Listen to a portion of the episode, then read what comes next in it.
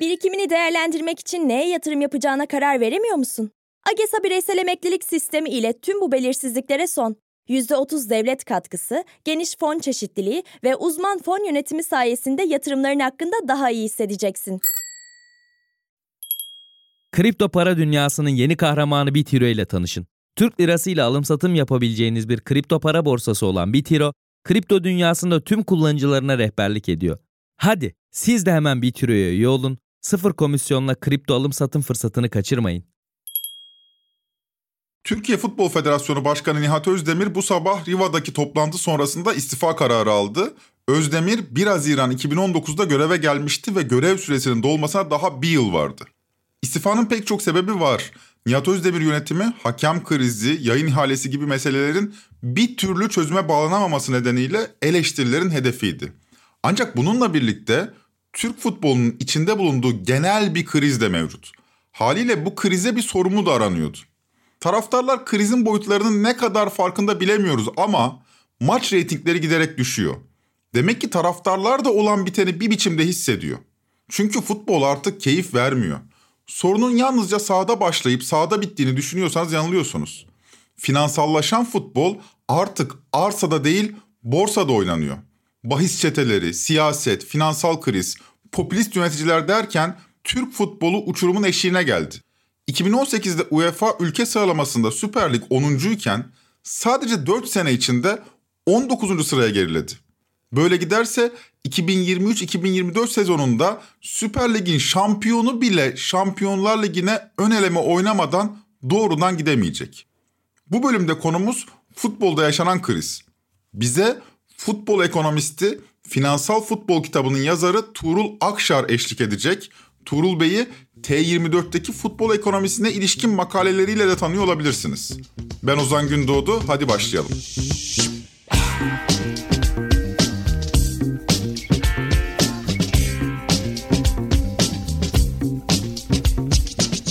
Futbol taraftarları kendi takımlarının başarılarıyla değil, başarısızlıklarıyla meşgul şu sıralar. Hele ki üç büyükler Beşiktaş, Fenerbahçe ve Galatasaray yıllardır krizlerle boğuşuyorlar. Kulüplere teknik direktör dayanmıyor, taraftarlar ise öfkeli. Avrupa'da başarı vadeden takım kalmadı. Avrupa'ya gidebilmek bile artık başarı sayılıyor. Süper Lig ise artık keyif vermiyor. Hemen her maçta tribünler istifa sesleriyle yankılanıyor. Sadece üç büyüklerde kriz yaşandığını düşünüyorsanız yanılıyorsunuz. Bir bütün halinde Türk futbolu amansız bir hastalığa yakalanmış gibi. Her yeni sezon bir öncekini aratıyor. Sadece son bir ayda yaşanan gelişmeleri şöyle bir sıralayalım. Türkiye A Milli Futbol Takımı bu yıl Katar'da düzenlenecek olan Dünya Kupası finallerine gitme şansını kaçırdı. Milliler Portekiz'e 3-1 mağlup olarak 2022 Dünya Kupası'na da veda etti. A Millilerin katıldığı son Dünya Kupası finalleri 20 yıl önce 2002'de Kore'de yapılmıştı. Orta ümitten İlan İlan!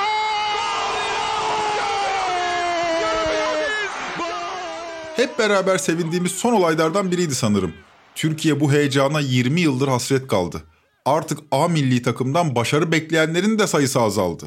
Sadece Dünya Kupası'na veda etmedik. FIFA Mart ayına ilişkin dünya sıralamasını açıkladı.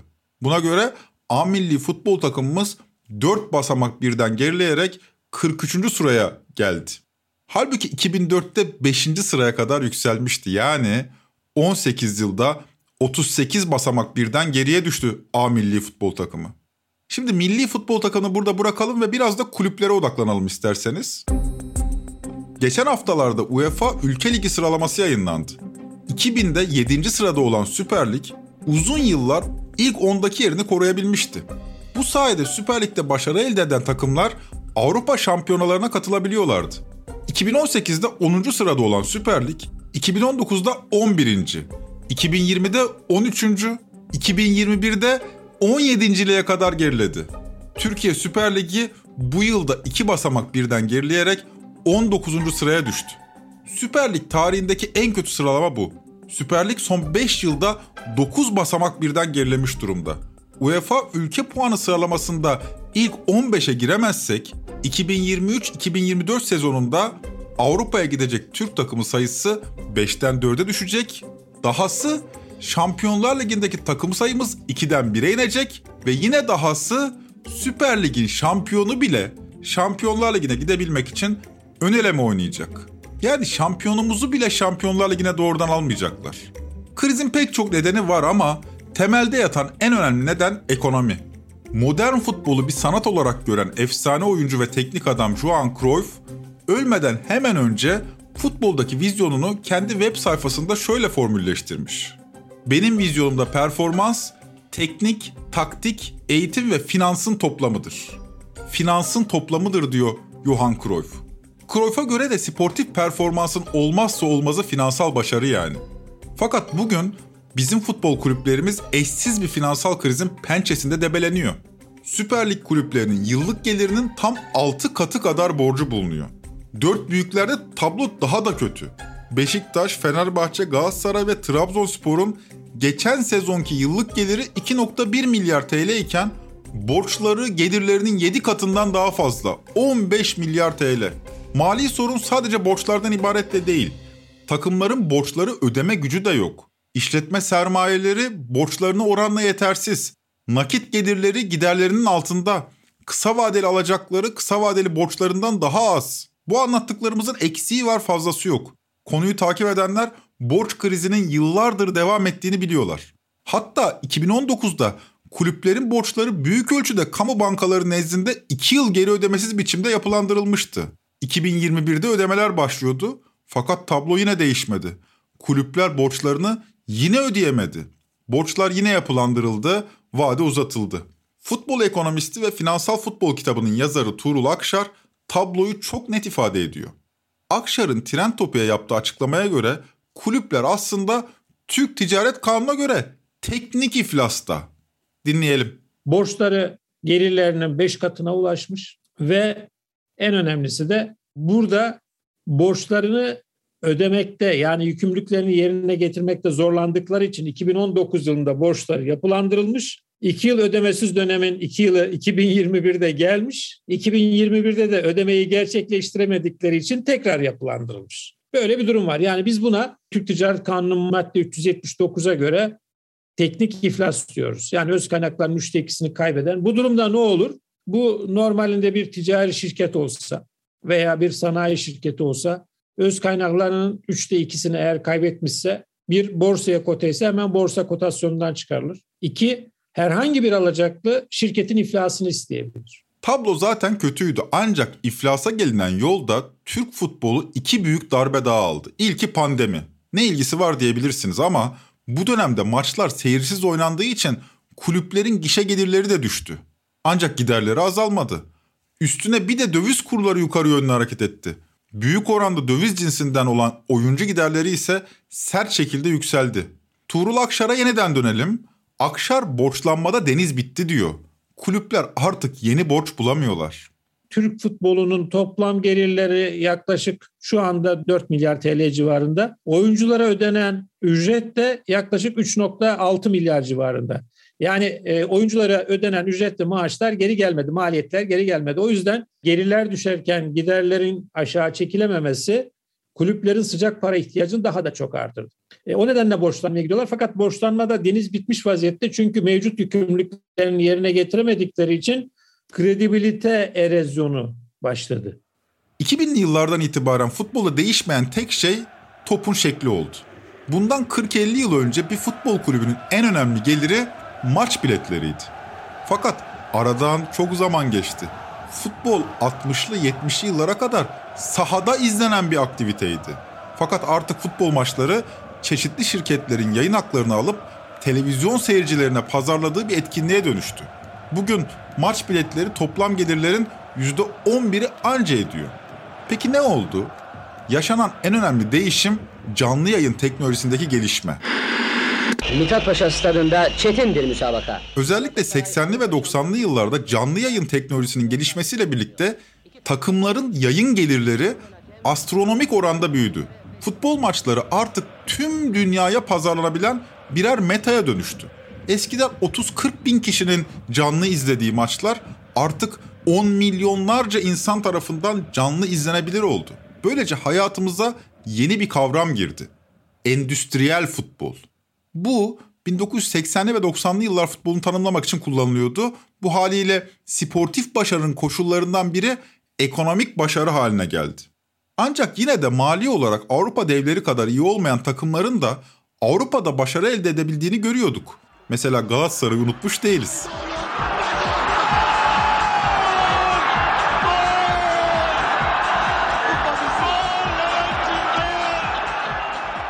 O halde şöyle düşünebilirsiniz. Demek ki her şey para değil. Bak işte Galatasaray gibi mütevazi bütçeleri olan bir kulüp 2000'de Avrupa şampiyonu olabiliyordu. Yine olabiliriz diyebilirsiniz. Bunu derken biraz temkinli olmakta fayda var. Çünkü futbol 2000'den bu yana küresel ölçekte çok değişti. Bu değişimi Tuğrul Akşar'dan dinleyelim. Bir, Avrupa'da futbol değişti.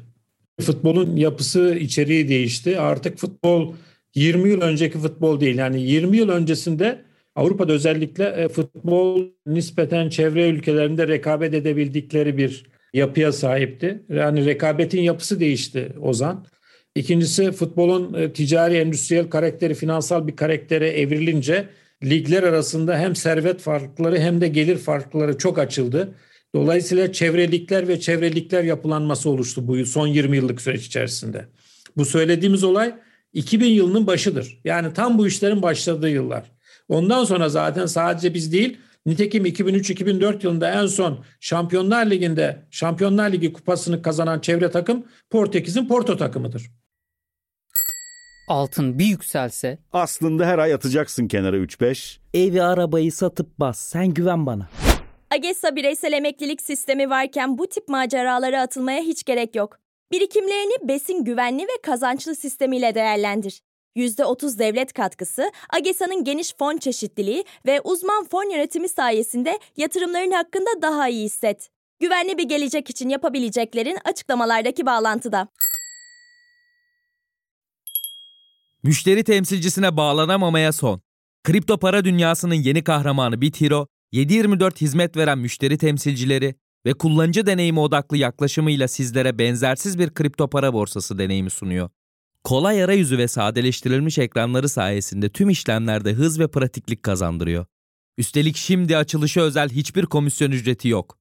BitHero, kripto para dünyasının yeni kahramanı.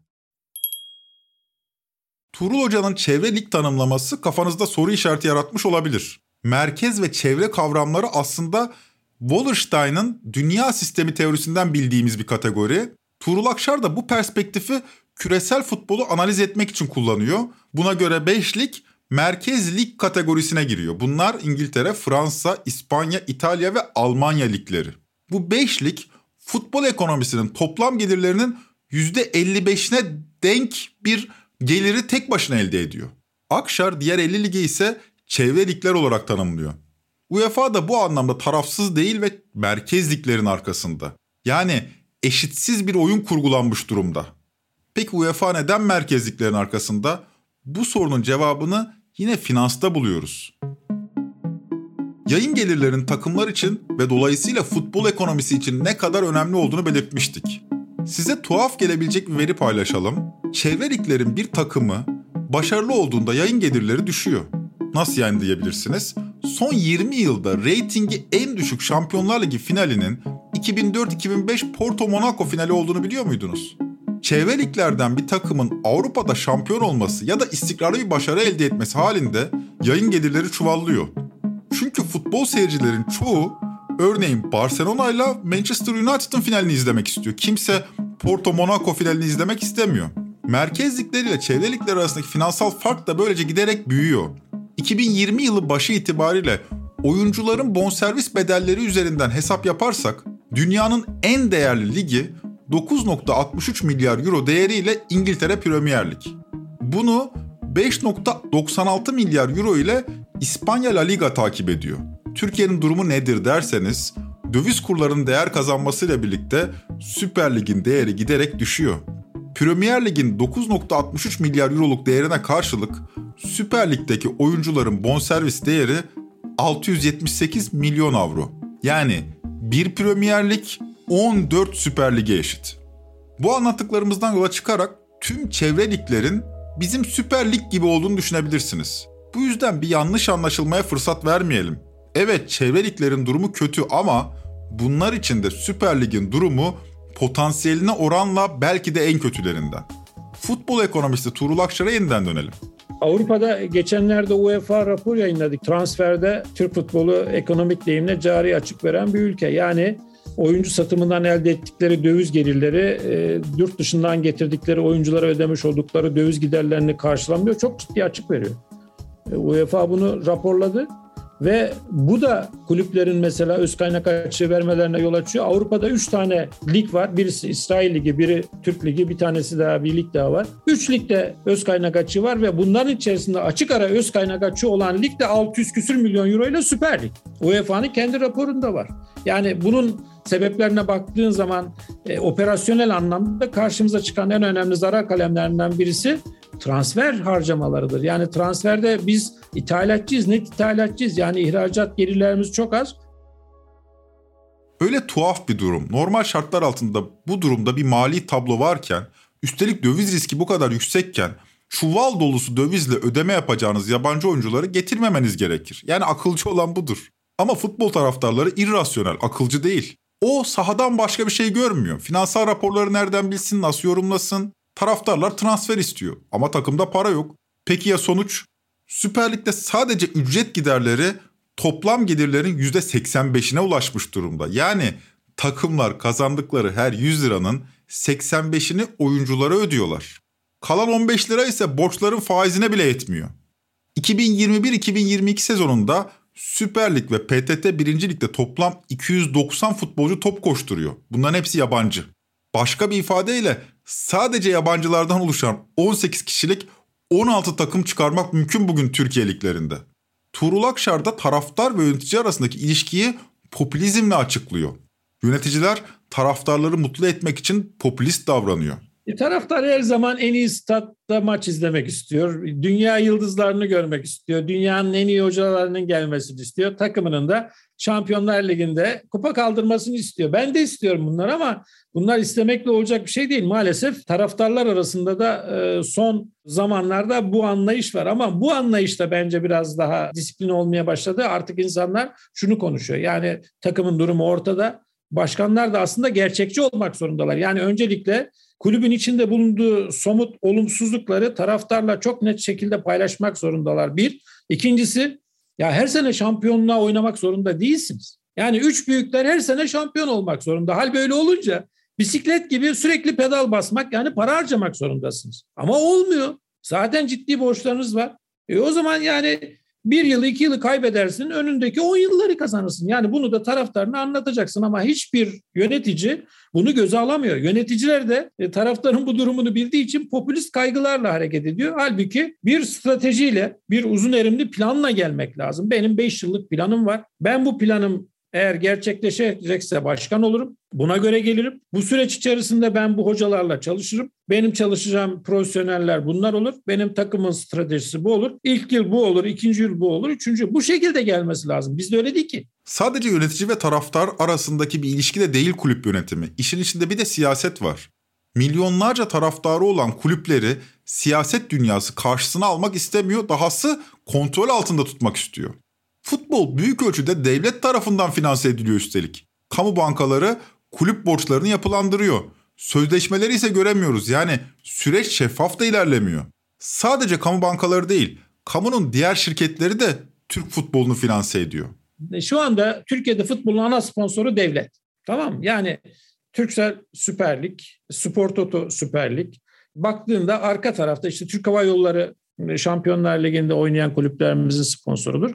Yani devlet bir şekilde kamu kaynaklarını özellikle de futbola ve profesyonel futbola aloke ediyor, aktarıyor. Yani bu zaten benim en çok eleştirdiğim şey. Yapılmaması lazım. Buradaki sıkıntı şu. Devlet destekli bir futbol anlayışımız var. Kulüplerde maalesef bu anlayışla ve bu felsefeyle hareket ediyorlar. Siyasetin işine geliyor bu.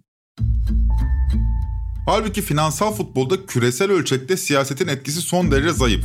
Fakat bizde tablo daha farklı. Siyaset futbolun sürekli içinde. Kamu ihaleleriyle gündeme gelen ve bu nedenle siyasi iktidarla çıkar ilişkisi bulunan Yıldırım Demirören, Türkiye Futbol Federasyonu'nu tam 7 yıl yönetti. Bu sabah istifa haberini aldığımız ve son 3 yıldır da yine kamu ihaleleri nedeniyle siyasi iktidarla teması kuvvetli olan Nihat Özdemir de benzer bir sürecin sonunda başa gelmişti. Ve her iki isim de seçimlere tek aday olarak girdi. Karşılarına bir başka isim aday olarak çıkmadı ya da çıkamadı. Dolayısıyla siyaset ve futbol ilişkisi buzlu camın ardından da görülse hep orada durdu. Futbol dedik, siyaset dedik o halde sıra hakemlere geldi. Adana Demirspor'un başkanı ve Ethem Sancak'ın kuzeni Murat Sancak 15 Şubat'ta 1-1 biten Beşiktaş maçının ardından çok konuşulacak bir iddia ortaya attı. Dedi ki hakemler içinde FETÖ'cüler var. Sayın Nihat Özdemir Başkanım, hakemlerin içinde, içerisindeki FETÖ'cüleri temizle başkanım. Emniyette, askeriyede, her yerde FETÖ'cü varken hakemler içerisinde mi yok? Onun için başkanım, Merkez Hakem Kurulu Başkanım, sizlerden rica ediyorum. Bu FETÖ'cü hakemleri temizleyin. Bugün az daha katliam olacaktı. Bütün taraftarı galyana getirdi. Yeter ama yeter. Murat Sancak'ın bu açıklamasıyla ilgisi var mı bilmiyoruz ama bu açıklamanın üzerinden bir ay dahi geçmeden Merkez Hakem Kurulu'nun önerdiği ve Türkiye Futbol Federasyonu tarafından kabul edilen karar sonucu içinde Cüneyt Çakır ve Fırat Aydınus gibi kariyerli hakemlerin de bulunduğu tam 11 hakem görevden alındı. Tabii ki bu karar da siyasi olarak yorumlandı. Tüm bu hikayenin ortasında bahis mafyasıyla futbol ve siyaset ilişkisine ise hiç giremedik farkındaysanız. Ama orada da işler karışık. Türkiye'nin kaçak bahis baronu Halil Falyalı'nın Kıbrıs'ta öldürülmesinin yankıları hala devam ediyor. Kaçak bahis pastasının 150 milyar lirayı bulduğu söyleniyor.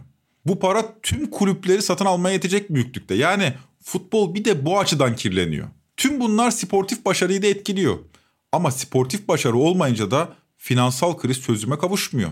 Bakın Tuğrul Akşar ne diyor? Burada en çok zarara uğrayacak olan futbol kulüpleri. Niye?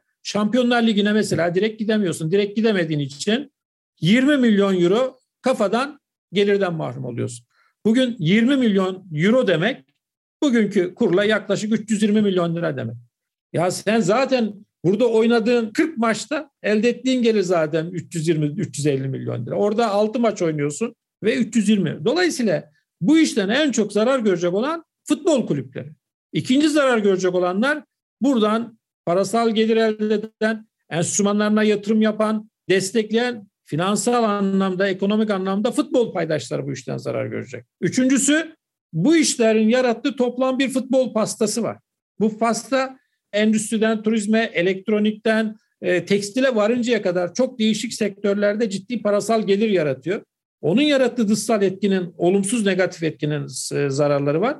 O yüzden bu işte ciddi bir zarar ve ziyan oluşacak. Ee, burada bir kara delik var. O kara deliği gidermeden biz Türk futbolunu bir yere getirme şansımız yok. Türk futbol kulüpleri maalesef üzerine toprak örtülmüş gibi. Sesleri çıkmıyor. Sesleri çıkmadığı için de devlet nasıl olsa bir şekilde destek olur anlayışıyla böyle devam edip gidiyorlar. Ben buna karşı çıkıyorum. Yani bunun böyle olmaması gerekir diye düşünüyorum ben. Moralleri yine bozduk sanırım. Peki tablo mutsuz mu? Kesinlikle değil. Türkiye 85 milyonluk nüfusuyla futbol konusunda Avrupa'nın en zengin yetenek havuzuna sahip. Bu ortamda bile Fenerbahçeli genç yetenek Arda Güler gibi isimler parlıyor, göğsümüzü kabartıyor. Türkiye tüm krizlere ve maç reytinglerinin düşmesine rağmen hala önemli bir futbol ülkesi. Ama işler giderek değişiyor.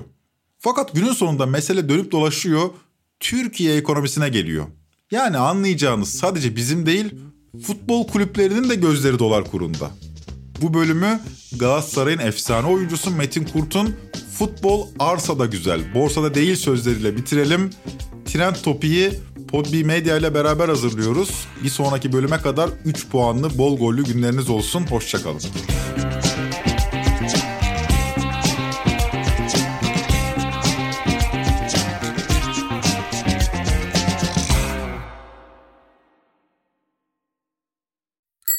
AGESA bireysel emeklilik sistemindeki %30 devlet katkısı, geniş fon çeşitliliği ve finansal danışmanlık hizmetleri ile güvenli ve kazançlı bir şekilde yatırım yapabilirsin. Yatırımların hakkında iyi hissetmek için detaylı bilgi açıklamalardaki bağlantıda seni bekliyor. BitHero'da alım satım emirleriniz anında gerçekleşir. Çünkü BitHero'da 6 milyon kullanıcı ile birlikte kripto para alıp satabilirsiniz. Üstelik sunduğu yüzden fazla kripto para seçeneği sayesinde yatırım alanlarınızı da genişletiyor. Siz de Bitiro'ya üye olun, kriptonun kahramanı olun.